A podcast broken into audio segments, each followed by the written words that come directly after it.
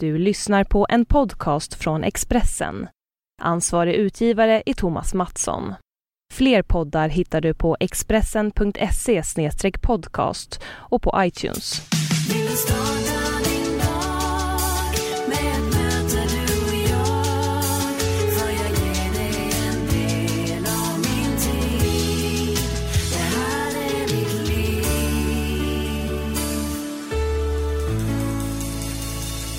Hej hej och varmt välkommen till ett nytt avsnitt av den här podcasten som heter Livshjulet.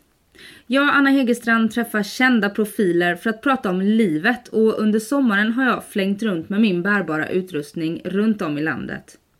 Den här veckan sänds Livshjulet från Eksjö och Digilos turnébuss. Eftersom jag själv är hemma och semestrar lite hos familjen i Jönköping så passade jag på att möta upp Digilo-gänget som var i Eksjö i fredags. Och det gjorde jag för att prata lite med Martin Stenmark.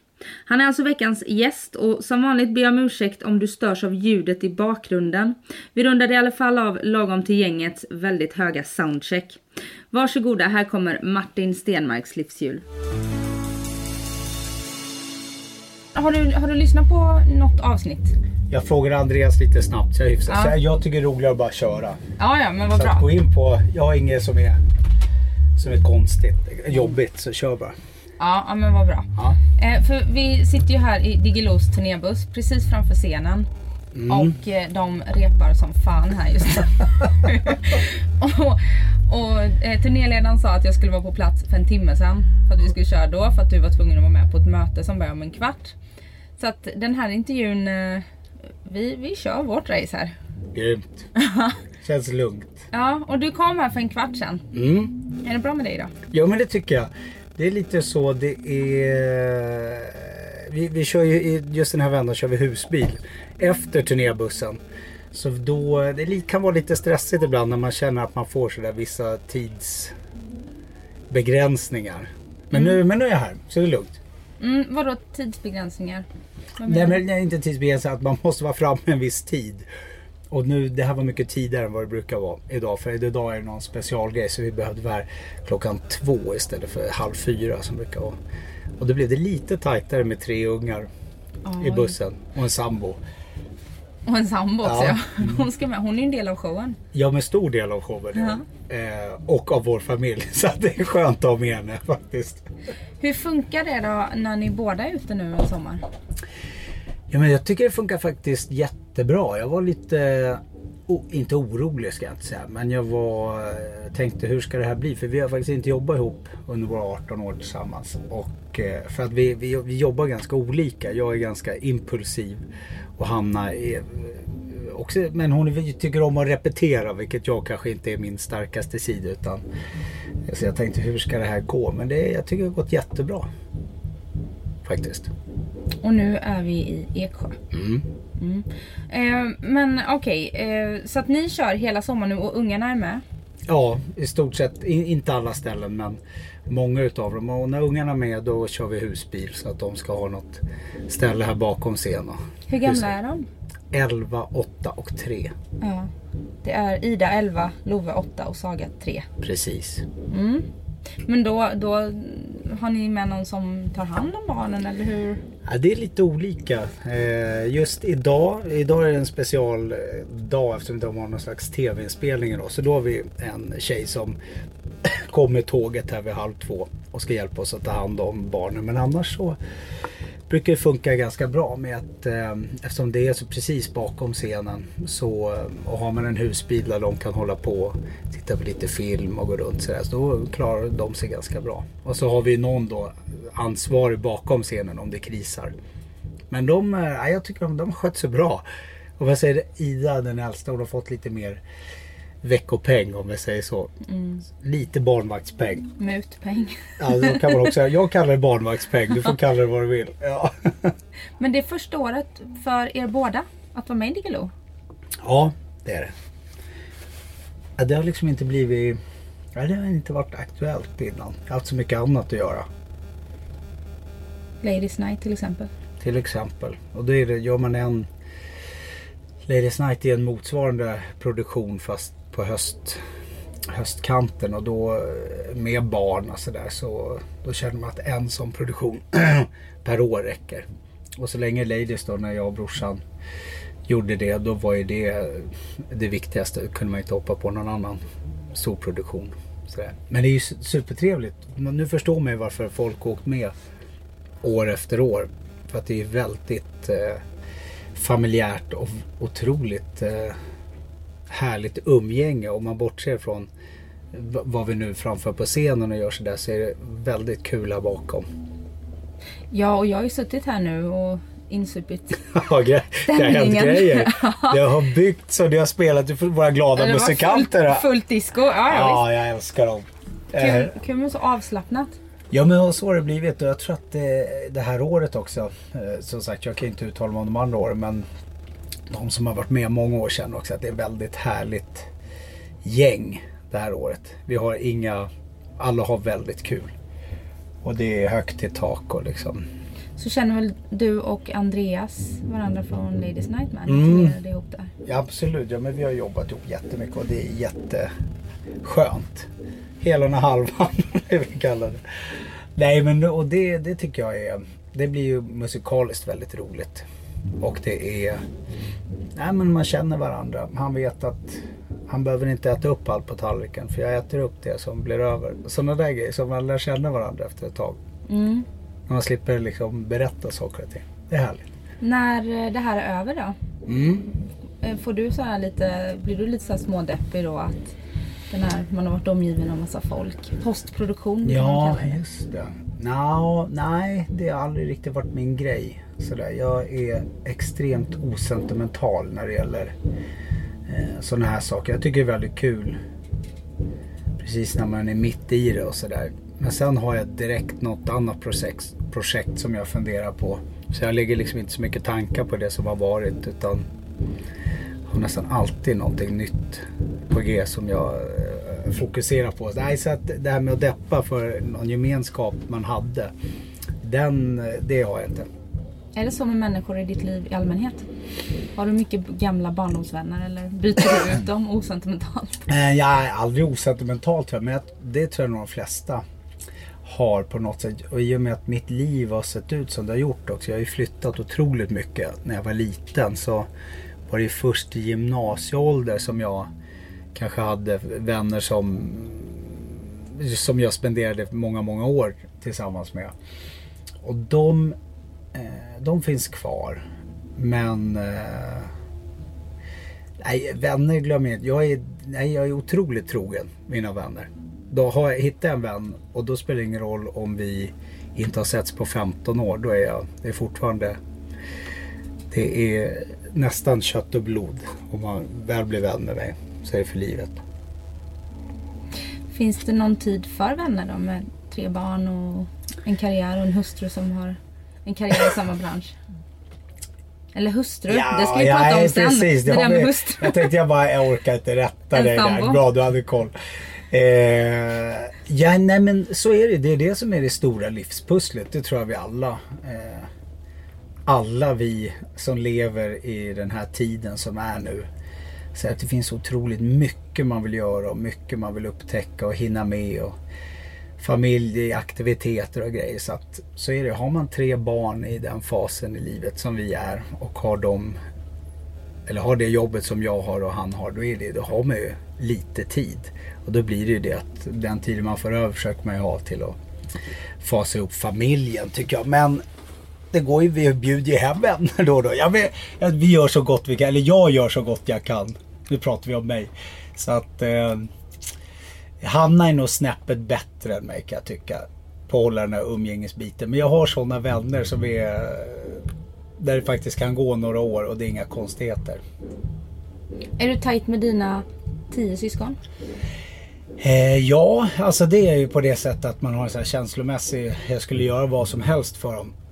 Men sen är det, vi är så många så att det finns ingen möjlighet att hålla koll på exakt vad alla gör. Utan jag har några stycken som man är, jag tror att vi är lite grupperingar i våra syskonskara där man har liksom koll på sin lilla grupp där. Men absolut, känslan är ju fortfarande det där att man har ett ansvar för sina syskon. Eller inte ansvar men en, en, eh, en kärlek som är oändlig. Och du är näst äldst. Mm, stämmer. Jag har en äldre syster som heter Randi. Sen är det en drös neråt. Yngre neråt i åldrarna. Och du jobbar eh, hyfsat tajt med din bror David. Mm. Som jag faktiskt känner lite grann. Mm. För vi var på Ladies Night-resa i Turkiet Ja, vad kul. Ja, vad roligt. Ja. Mm. Jobbar ni fortfarande? Ja, till och från eh, så gör vi ju det. Vi har ju fortfarande, jag och David har ju liksom vuxit upp så sjukt tajt. Vi har ju nästan varit som tvillingar. Jag är, fast jag är lite äldre sådär. Vi har gjort otroligt mycket tillsammans. Just i och med att vi hade samma intressen med när vi fann musiken och sådär och när vi skrev ihop och hela det där och när vi startade Ladies Night och det. Men sen så, nu har jag som sagt, sen skaffade jag tre barn, han skaffade två barn. Och så har vi skilts åt lite i, yrkeslivet under några år. Eh, nu kanske det är på väg tillbaks igen så det, det går också lite så här eh, upp och ner. För han var ju med. Han är ju en stor del i Ladies Night Mm. bland annat. Och han var med och skrev Sjumilakliv. Mm, Så han har ju en stor del i din karriär. Verkligen. Ja, men och det har absolut. Så att det är den perioden vi hade där från 2000. Egentligen innan. Vi skrev ju redan från år 2000 började vi skriva tillsammans. Och så skrev vi fram till nästan 2008.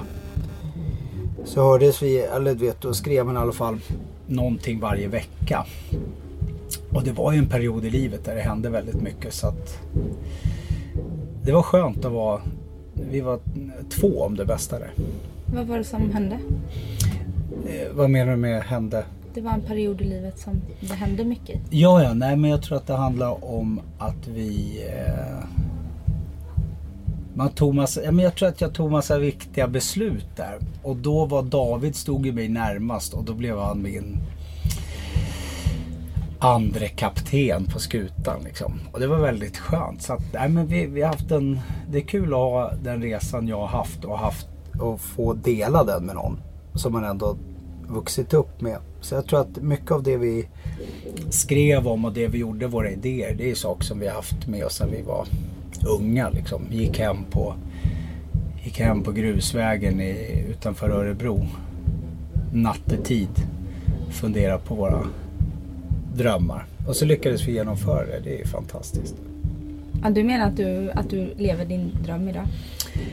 Jo men det tycker jag. Sen är det alltså Absolut, jag gör ju det jag drömde om när jag var tonåring.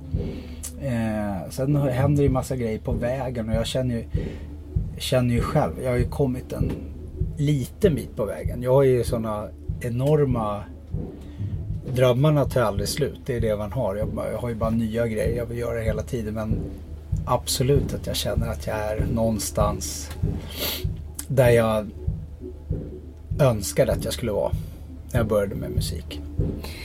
Jag vet att det fanns planer på eh, att lansera dig i Brasilien. Mm. Och hela den där eh, resan Mm. som gjorde att du blev skuldsatt. Mm. Som du sen betalade av med bland annat. Eh, om det var Melodifestivallåten Las Vegas. Ja, i Las Vegas. Ja, Snegla gjorde... Nej men så var jag, men eh, absolut. Nej, men jag gjorde, det var ju några år som sagt.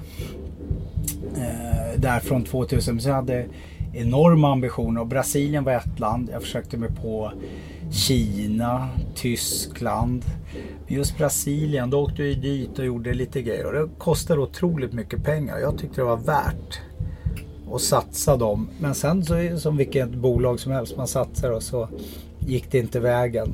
Och då är det ju bara att börja jobba hårt igen. Så där, det tror jag att det gjorde ju att det blev både en drivkraft och så fick man en ganska...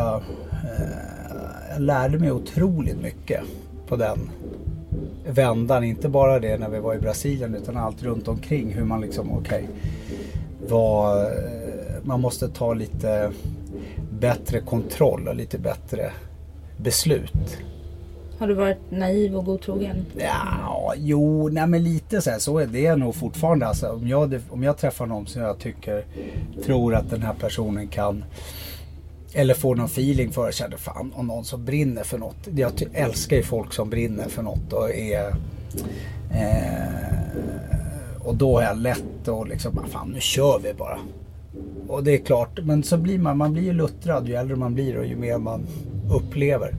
Så att om du hade frågat mig idag så hade jag kanske agerat annorlunda. Då hade jag nog varit lite smartare, inte låta eh, kulorna rulla så hårt. Men samtidigt, då hade, man inte, hade jag säkert inte varit så här jag är idag och skrivit alla de här grejerna med både själv och med David, de här låtarna och det. Så att, nej, fan, jag vill inte ha något ogjort. Nej. Ska inte ångra någonting man har gjort. Det gör ju den till den man är.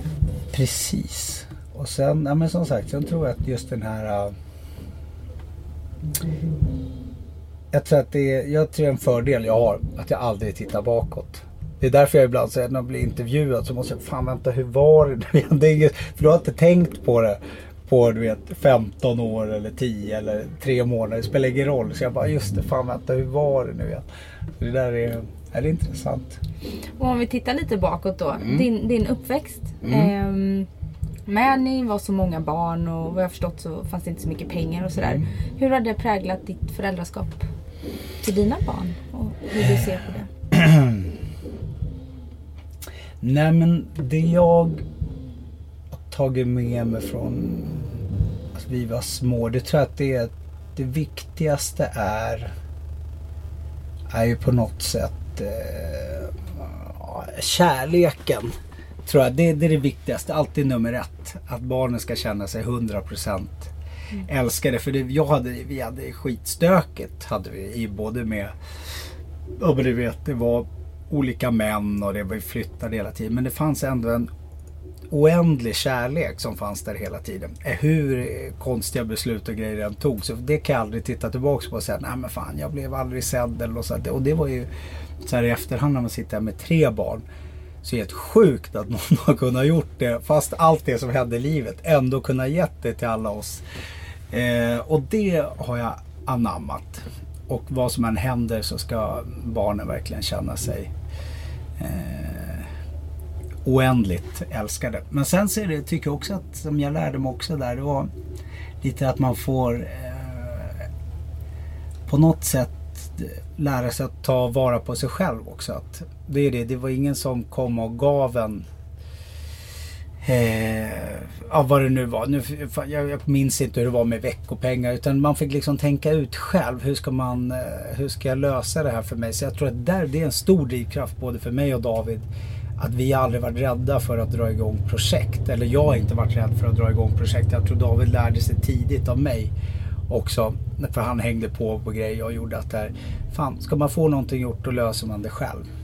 Och det får jag också tacka min uppväxt för.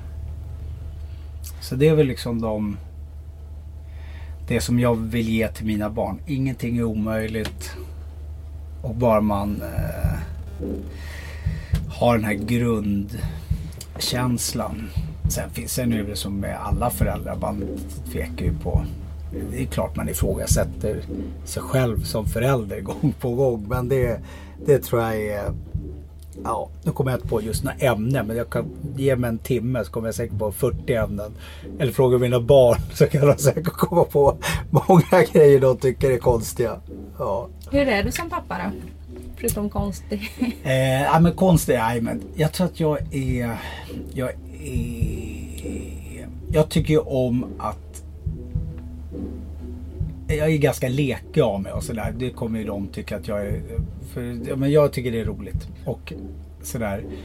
Sen är jag ganska noga med regler däremot. Det är. Så att jag tycker om att de ska ändå ha någon slags ramverk att förhålla sig till. Liksom. Jag tycker att det är viktigt att de får någon slags, så de lär sig det i livet. Att var en gräns går och någon slags, ja vad som händer om man går över den. Och sådär. och det, det, mm, så jag tror att jag är bestämd men rolig. Det här med, jag har frågat dig i tidigare intervjuer. Mm. Jag har frågat varför, varför det tar sån tid, varför du inte vill gifta dig eller varför du inte har någon längtan efter att gifta dig. Ja. Nu blev ju du friad till på din Ja. 40-årsdag. Just det. Så att nu kommer du... Va? Ja. det hade jag glömt. Kolla aldrig tillbaka. Jo då. Är, är det något um, bröllop?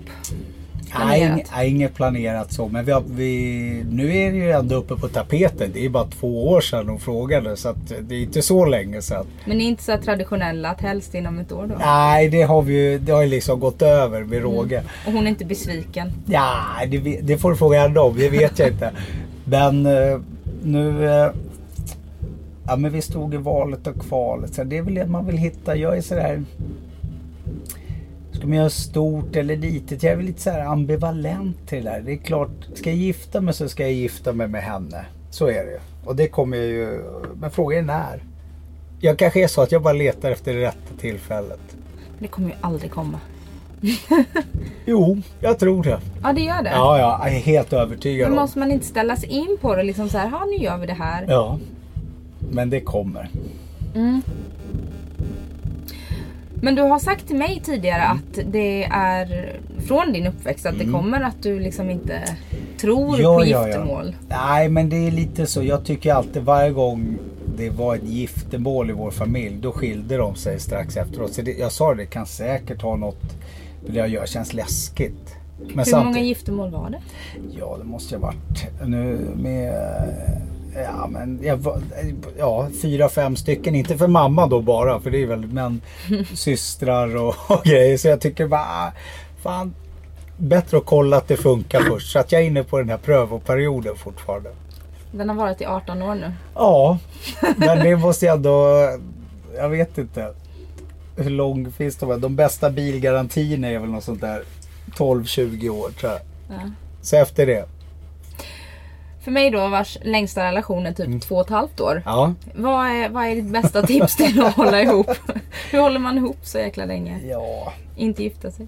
Och utan att gifta sig. Nej men jag tror att det är så här att det... För det första ska man vara... tror jag att man ska vara... För de första åren då är det ju bara... Ja, två och ett halvt år. Jag bara, det är i början tycker jag. Men det är väl okej. Men då är det ju så enorm passion. Allt är fantastiskt hela tiden. Så är det ju. Men man ska bara inse att av ett långt förhållande så är det... Och det där, det går ju lite i vågor. Vi bråkar ju som alla andra. Men också så har vi otroligt eh, stark attraktion och passion också hela tiden. Och det, man får också se en sån här mellan medellinje som, som är väldigt... Så länge den är över uppe på plus så är det ju fantastiskt. Man måste liksom inse att det är så. Att det är perioder när man är... Man kanske inte är sitt bästa jag eller man kanske har skittufft på jobbet eller något. Där. Då måste man eh, liksom se åt sidan och komma ihåg vad var det man älskade hos den här personen. Eller, och det tycker jag att jag och Hanna har gjort eh, bra. Och att vi lyckas med det. Så fort vi märker om vi tar bort alla du vet, våra arbeten eller eh, ja, vi ska, man ska, om vi bara åker iväg vi två eller bara familjen och inga, inga måsten. Då har vi det hur bra som helst och då vet man fan så här skulle det kunna vara hela tiden. Så det handlar ju bara om omvärlden på något sätt. Ja, och det, eh, kommunikationen att man kan lyfta upp det till ytan. Ja, de pratar om det så är det. Han är ju bättre på att prata än vad jag är, det ska jag säga. Men att man, man måste våga se det på vad det är. Det tror jag är viktigt. Och det är väl det som är... Ja, men, ja det tror jag är det viktigaste. Att man... Ja, nu är det allmänt man. Men jag tror att det är så. Att man vågar... Att man inte blundar för vissa saker. Så är det. Och man ska inte... Man ska inte man ska inte eh, bli rädd för att det blir tråkigt. Så är det. Allting kommer och går. Vad är det hos henne då som, som eh, skapar den här attraktionskraften? Eh, ja, men jag älskar ju jättemycket hos Hanna. Det är ju... mm, Ja, för det första är hon ju fantastiskt vacker. Om man får vara så ytlig. Får man? Hon luktar väldigt gott. Jag har hört att det är viktigt. Jag kan ligga och lukta på henne i flera timmar. Också för det tror jag är det viktigaste för mig. Ja, är du för känslig för lukter? Ja, men det är jag nog. Jo, men det är jag. Så därför är det bra. Det är perfect match på det sättet man bara kan. Ja. Nej, men sen har ju hon, hon är otroligt, ehm, eh, hon är väldigt smart. och du vet, eh, väldigt klarsyn på saker och ting. Och väldigt rolig. Eh, och det, det är ju fantastiska egenskaper som gör att det är roligt att vara tillsammans med. Och så, så kompletterar vi nog varandra ganska bra. Jag, eh, hon, som sagt, som jag pratade lite om jobbet, att hon tycker om att jobba med saker och ting. Medan jag är så här, ja det löser sig. Vi, vi går upp och kör. Och någonstans mittemellan är väl säkert den bästa vägen då. Liksom. Men, och det tycker jag också är intressant för då kompletterar vi varandra på det sättet. Mm. Eh, ja. Som fantastiska egenskaper. Alla, alla saker som jag skulle vilja ha bättre, det har hon. så det är bra. Ja, det är så. Mm. Hur tror du att du är att leva med då? Du, jag tror att... Jag vet ju att när jag väl stänger av mitt... Eh, om jag väl tar det lugnt, då tar jag det lugnt. Jag kan ju gå och lägga mig och sova i två dygn och det tycker folk är konstigt. Men det är verkligen så. När jag stänger av, då stänger jag av och tar det. Så hon kan ju bli tokig på mig ibland om jag bara... Kommer in och så här... Men vad fan. Eh, men sen så tror jag också att det är jag tror att man kan lära sig, eller att hon lär sig mycket av mig också. Att ta lite dagen som den kommer. Att ah ja, det löser sig. Vi kommer dit och så ser vi vad som händer. Jag är jätte... Och det är det hon säger, det är sjuka att vi har ju levt ihop i 18 år men det ordnas alltid för dig. Det är helt sjukt. Jag fattar inte. Jag bara, men det är bara för att är man öppen för det när man kommer till så är det väl så att man eh, på något sätt får de här möjligheterna. Istället för att man blir lite, oj, oj, jag måste vara så och så. Så att hittills, eh, jag tror, som sagt, jag tror vi lär varandra jättemycket. Du har lite mindre ångest än vad hon har helt enkelt. Jag har ingen ångest alls, det är väl det. Gud vad skönt. hon, tycker, hon bär min ångest också, det är kanon. Ja. ja det är det som kan vara för så har jag i min relation. Jaså, att du jag bär mycket mer, Ja och då kan han förstärka ja. den genom att inte ha någon ångest. Liksom. och han, han fattar, han, nej, nej. nej då, då kan jag känna igen mig i honom. Ja. Mm. Och så tycker ni att ni eh, är bra för oss då för att då ja. lär vi oss att koppla av medan ja. vi blir... Ännu värre. nej men jag tror faktiskt att Hanna har efter så lång tid nu när vi har nött på det här så tror jag hon ibland inser att det bara, ibland ska man bara släppa på det där. Mm. Men jag vet inte. Det kanske är kvinnligt och manligt. Vad vet jag? Någon sån här grundgrej om man nu tror på sånt. Men nej. Jag tycker, men jag är uppskattar i hennes. Ibland så är det ju det att okej, okay, hade inte hon då haft styrt upp vissa saker då kanske det inte hade gått lika lätt. Men jag bara, nej men kolla det löste sig. Hon bara, mm. ja. Bara surfar in på räkmacka. Ja. Nej men jag fattar. Men däremot så vet jag att du har haft en ängslighet över att det här med att passa in i olika sammanhang och mm. bli omtyckt. Mm. Som du inte känner att du har riktigt lika starkt längre. Nej, nej precis. Ja, men det här vet jag. Det har jag pratat om just det här med eh, min uppväxt. I och med att vi flyttade så mycket så blev jag ju eh, bra på att passa in i, i miljöer väldigt snabbt. Som barn, liksom, för att inte känna sig liksom, utanför eller så. Det, är det, det var jobbigt att alltid vara den nya killen liksom, i varje klass. Liksom. Jag gick ju ettan i tre skolor och det var extremt ofta jag flyttade. Och då, eh, då blir man väldigt... Mm, man följer strömmen ganska lätt för att man inte vill vara eller jag gjorde det. För att liksom... Ja men för att inte sticka ut för mycket och sådär. Och det kände jag sen när jag började jobba med det här jobbet. Att det var så... Eh, och man kom i, började komma i kontakt med media och allt sånt där. Det blev så lätt att, att eh, glömma bort sig själv. Utan man känner, vad, vad ska jag svara här för att passa in lite och sådär. Och även liksom i den här personen som byggdes upp. Martin Stenmark liksom artisten. Och det var inte något jag tänkte på så mycket utan det går, det går per automatik. Eller för mig gjorde det det. I och med att man uppväxt, man är så van vid att, att anpassa sig liksom till rummet och situationen som uppstår. Vilket ibland är en jättefördel om man jobbar i en, en grupp med gruppdynamik och grejer. Så är det kanon liksom. Men ibland en nackdel för att man liksom inte får någon slags, får ingen riktig kärna i det. Men det kände jag så fort vi fick eh, barnen, det började med Ida. det var ju som att det verkligen bara var som någon slog mig i huvudet. Vad fan håller jag på med liksom?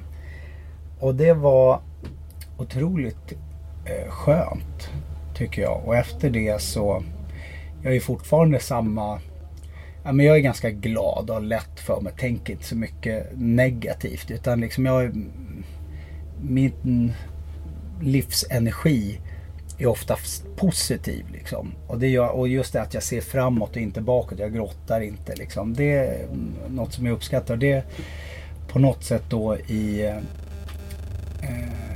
den här i kombination med det andra har liksom gjort att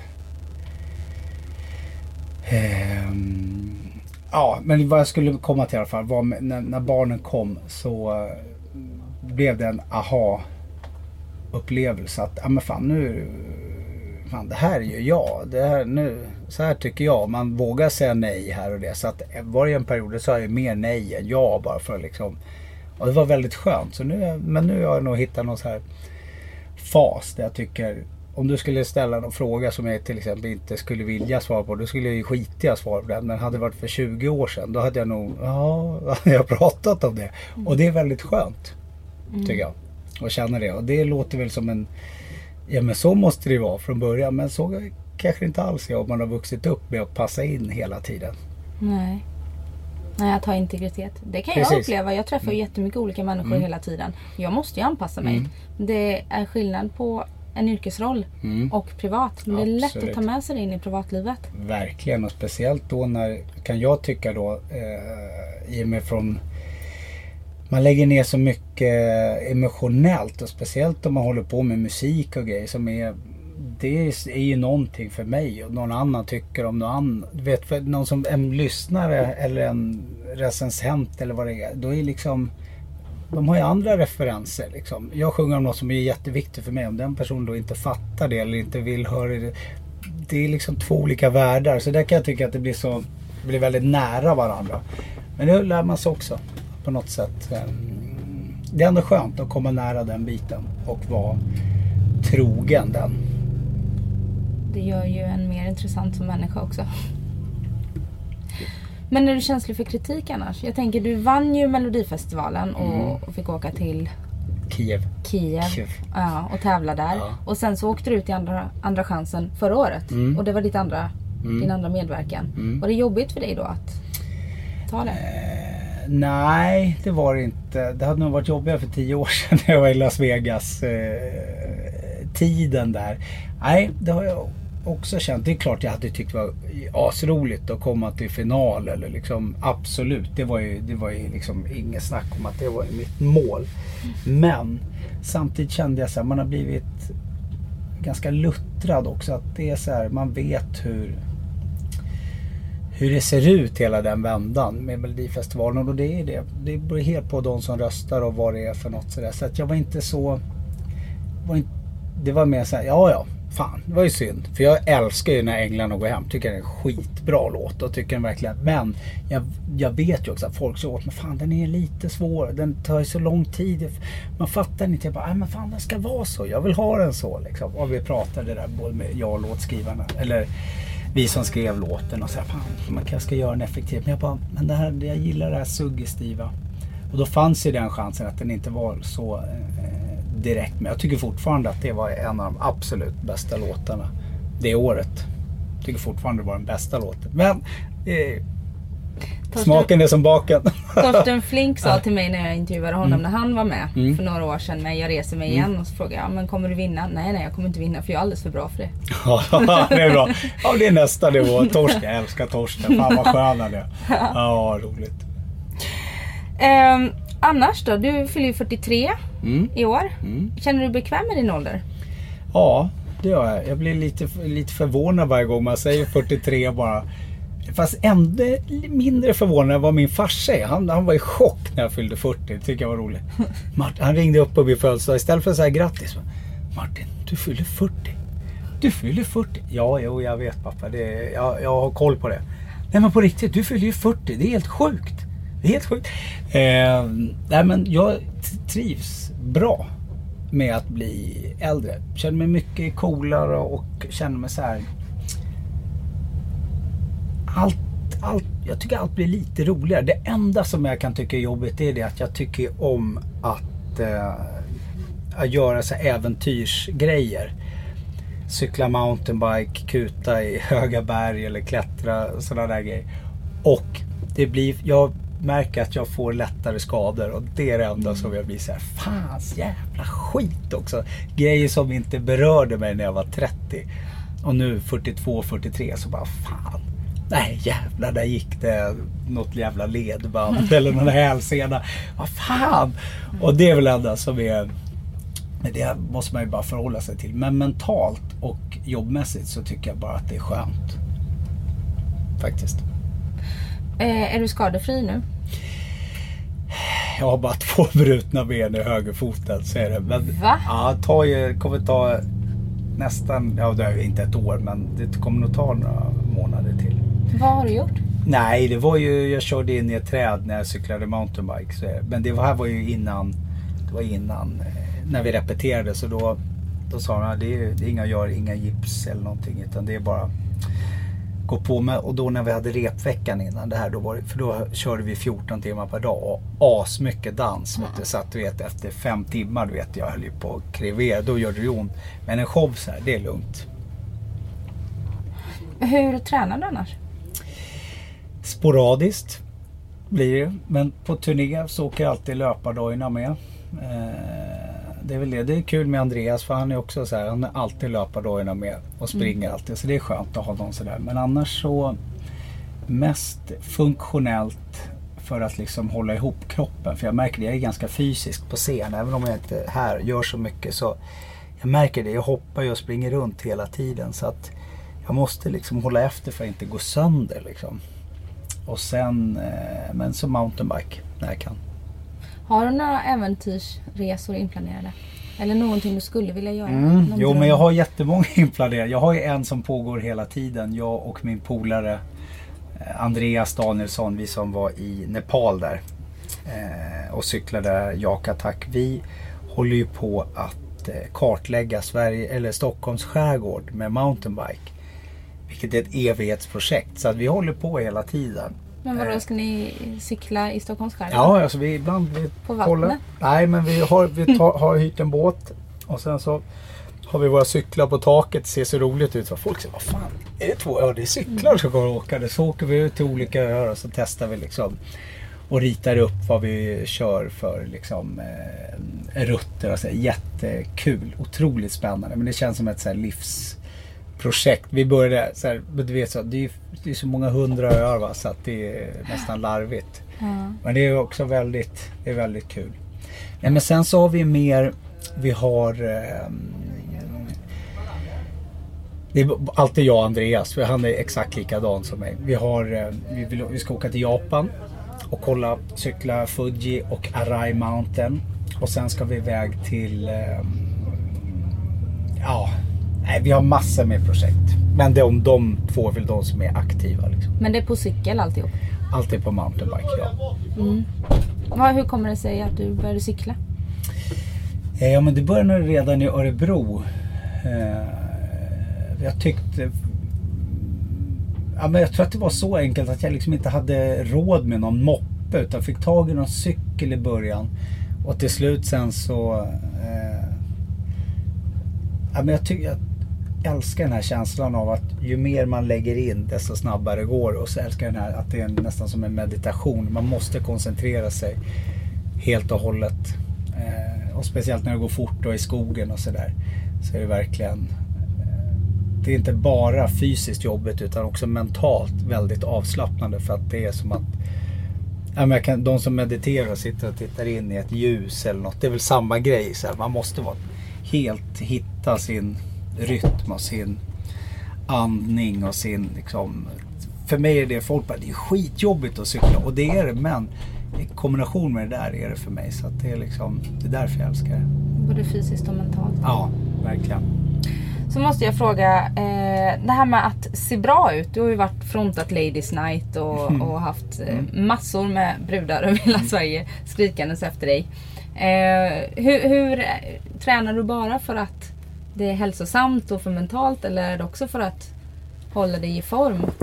Eh, Och upprätthålla varumärket upprepar, nej, nej, nej, men där får nog tjejerna tacka Hanna. För hon kan ju vara så här, men nu får du för fan skärpa dig.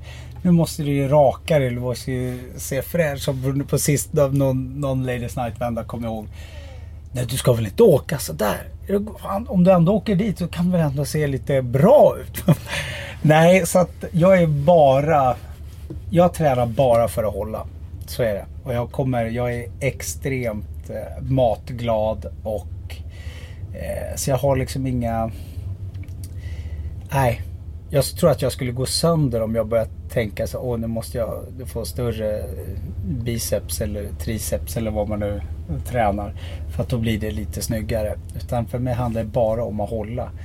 Eh, och så har jag alltid varit. Och så är det ju nu för mig. Men nu är det ju mest rehab för mig hela tiden. För att jag går sönder på olika ställen. Sådär.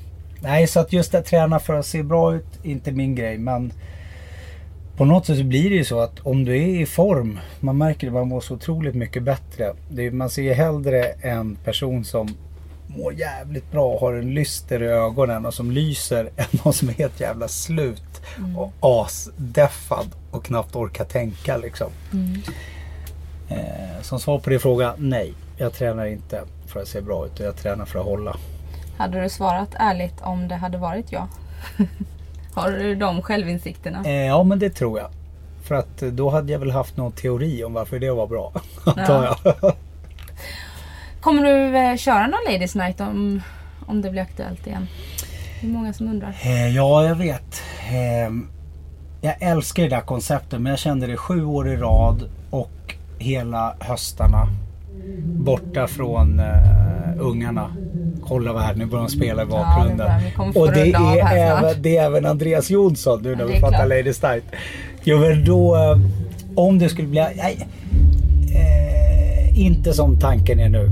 Jag, jag tycker om det där men jag ser inte liksom när jag skulle göra det igen. Men det är världens bästa grej att göra. Så, är det. så jag, jag tycker det är konstigt att ingen annan gör det. Att de inte kör det vidare. Tror det finns eh, som, lite planer eller? Ja det hoppas jag verkligen. För jag tycker tjejerna som var där. Det var ju det är helt fantastiskt kul. Och de är ju värda det. Men vem vet, är det ingen som styr upp det där så får jag väl ta tag i det där om några år då. Ja. Vad, vad känner du Anna? Vad har du för planer i höst och resten av året sen? Ja, nej men först så... eh, Jag precis släppte en ny platta för inte så länge sedan. Som vi sa att den börjar vi liksom marknadsföra lite efter sommaren. Så nu kör jag klart Diggiloo så ska jag liksom åka runt och köra lite med låtarna på den.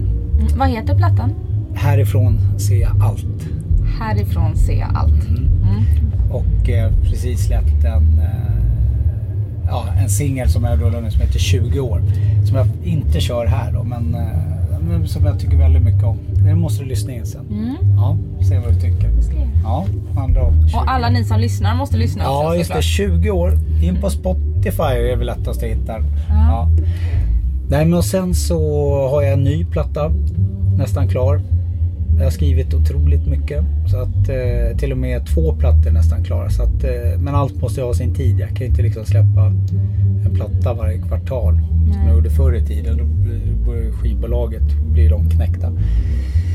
Men jag ska i alla fall färdigställa den och sen eh, ska jag faktiskt åka lite. Jag har ett projekt där jag eventuellt åker utomlands och ska till en av de här skivorna som jag grottar ner mig lite i rock'n'rollens historia. Som jag, ska bli otroligt kul att göra.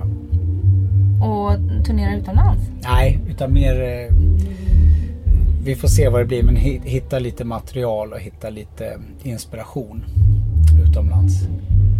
Så det längtar jag till. Ja, vad kul. Mm. Tack snälla för att du ville prata lite Ja, med men mig. Nu ska jag släppa mycket. iväg dig till ditt genrep. Ja, men jag måste ju skydda mig upp nu. Det, jag ska ge någon trombon eller något till Andreas här i, Ja. i solot. Men du, mycket trevligt. Tack för att du kom. Tack. Hej! Hej då.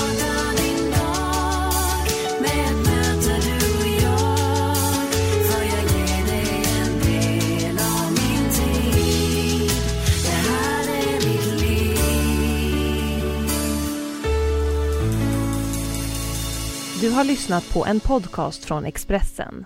Ansvarig utgivare är Thomas Mattsson. Fler poddar hittar du på expressen.se podcast och på iTunes. Med Hedvigs hemförsäkring är du skyddad från golv till tak oavsett om det gäller större skador eller mindre olyckor. Digital försäkring med personlig service, smidig hjälp och alltid utan bindningstid. Skaffa Hedvig så hjälper vi dig att säga upp din gamla försäkring. Hedvig hemförsäkring, ett klick bort.